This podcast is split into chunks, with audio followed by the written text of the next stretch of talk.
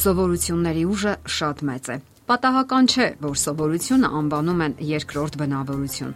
Շատերը չեն պատկերացնում, որ այդ սովորությունները ձևավորվում եւ արմատավորվում են մանուկ հասակում եւ ծնողներից պահանջվում է հետեւողական լինել դասերակցական գործընթացում, կարգավորել եւ վերջապես բարելավել այդ սովորությունները։ Իսկ դա իրագործելի է, եթե լինենք հետեւողական։ Ինչ է հետեւողականությունը։ Ծնողները հաճախ անհետևողական են իրենց կյանքում եւ այդ որակը փոխանցում են նաեւ զավակներին։ Եթե դուք այսօր մի բան եք ասում, իսկ վաղը մեկ ուրիշ բան, ապա երեխան պարզապես շփոթահար է։ Հետևեք ձեր խոստումներին։ Եթե խոստացել եք, իրականացրեք դրանք։ Դա հավասարապես վերաբերում է թե պատիժներին եւ թե խրախուսանքներին։ Երեխան պետք է հասկանա, որ դուք վճռական եք տրամադրված Սովորեցրեք նրան. Կանոնավոր մաքրել ատամները, հարդարել անկողինը, կախել հագուստները։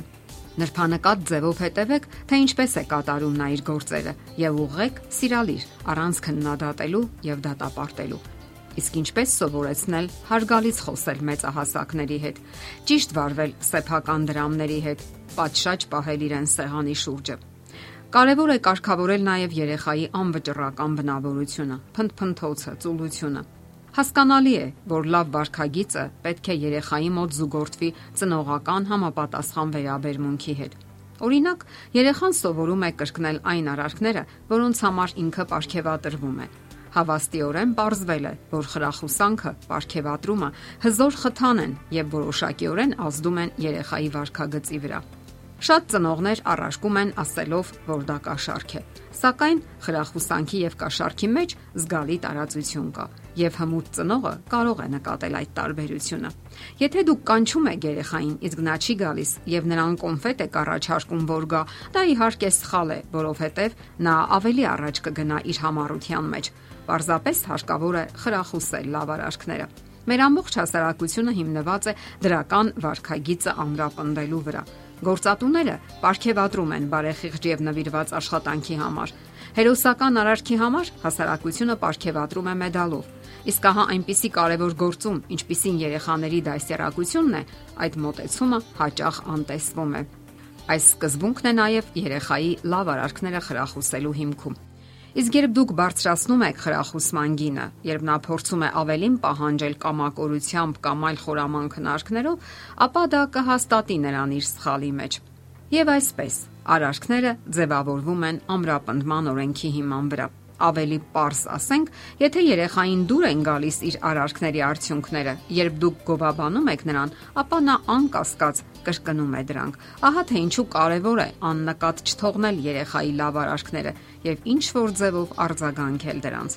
Ցավոք ճշմարտությունն այն է, որ շատ հայրեր ու մայրեր անգիտակցաբար օգտագործում են ամրապնդման օրենքը երեխայի մոտ զարգացնելով սխալ, վատ եւ անտանելի սովորություններ։ Այսպիսի օրինակ, ասենք մայրը խանութում հանդիպում է ընկերուհուն եւ սկսում է զրուցել նրա հետ։ Փոքրիկը ցածր ձայնով ինչ որ բան է խնդրում մորից, բայց քանի որ մայրը կլանված է զրույցով, չի արձագանքում նրան։ Երեխայի ձայնը ավելի ու ավելի բարձր ու կամակոր է դառնում։ Դա շարունակվում է այնքան ժամանակ, մինչև մոր համբերությունը սպառվում է։ Հավանաբար ծանոթ պատկեր է։ Այս ամենը վերջանում է նրանով, որ մայրը ընդհատում է զրույցը եւ վերջապես լսում երեխային։ Այսպես վարվելով Երեխայի մեջ ամրապնդվում է բարձր եւ կամակոր ձայնով խոսելու սովորություն։ Սա առաջին հայացքից աննկատ թվացող սարդոստայն է, որի մեջ ցավոք շատ ծնողներ են հայտնվում։ Ինչքան շատ են նրանք քննադատում, հայհոյում կամ պատժում երեխային, այնքան ավելի վատն է դառնում երեխայի վարքագիծը, իսկ ծնողները համառորեն շարունակում են մեղադրել երեխաներին։ Ասենք որ կատարվել են փորձեր, որոնք վկայում են այս մեթոդի արդյունավետության մասին։ Նկատել են, որ այսպես կոչված սոցիալական խթանները ամրապնդում են երեխայի դրական արարքները։ Խթան կարող են լինել ծնողների վարքագիծը, այսինքն ձայնի տոնայնությունը, գովաբանելու սովորությունը, ուշադրությունը երեխայի հանդեպ, ժպիտը, հպումները կամ պարզապես երեխայի կողքին գտնվելը։ Նկատենք, որ որոշ ծնողներ բնազդաբար կիրառում են այս մեթոդը, իսկ ահա շատ ծնողներ պետք է սովորեն ու կիրառեն այն։ Ասենք նաև, որ սխալների դեպքում պետք չէ ցավոտ կամ հիվանդագին արձագանքել։ Բոլորն էլ սխալվում են, այդ թվում նաև մեծահասակները։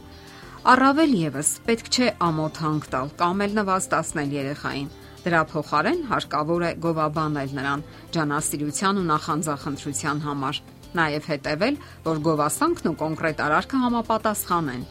Երեխաները իրենք էլ նկատում են կեղծիքը եւ ավելորդությունները։ Դե իսկ այդ ընթացքում, երբ դուք ամրապնդում եք այդ սովորությունները, կարող են անսպասելի խնդիրներ ծագել։ Ամեն ինչ չէ, որ կարող է հարթ ընթանալ։ Որոշ երեխաներ պարզապես չեն կարողանում լավ խոսքերը ընդունել իրենց հասցեին։ Նրանք աշխատում են նվազեցնել իրենց արարքի գնահատականը, ինչը վկայում է երեխայի ցածր ինքնագնահատականի մասին։ Դարձյալ խորհուրդ ենք տալիս ճիշտ արձագանքեք այդպիսի ինքնախարազանումներին։ Ցածր ինքնագնահատականը նույնպես խնդիր է, որը պետք է լինի ծնողի ուշադրության կենտրոնում։ Դե ինչ, սիրելի ծնողներ, Անելիքներ իսկապես շատ կան։ Երեխայի աշխարհը բավականին բարդ է ու նուրբ։ Մի անտեսեք ոչ մի մանրուկ։ Այստեղ մանրուկներ չկան։ Նոր մարդ կյանք մտցնելը ծնողների սուրբ պարտականությունն է, եւ այդ պատասխանատվությունը ոչ մեկը ձեր փոխարեն չի անելու։ Եթերում ընտանիք հաղորդաշարն է։ Ձեզ հետ է Գեղեցիկ Մարտիրոսյանը։ Հարցերի եւ առաջարկությունների դեպքում զանգահարեք 099 08 20 93 հեռախոսահամարով։ Հետևեք մեզ hopmedia.am հասցեով։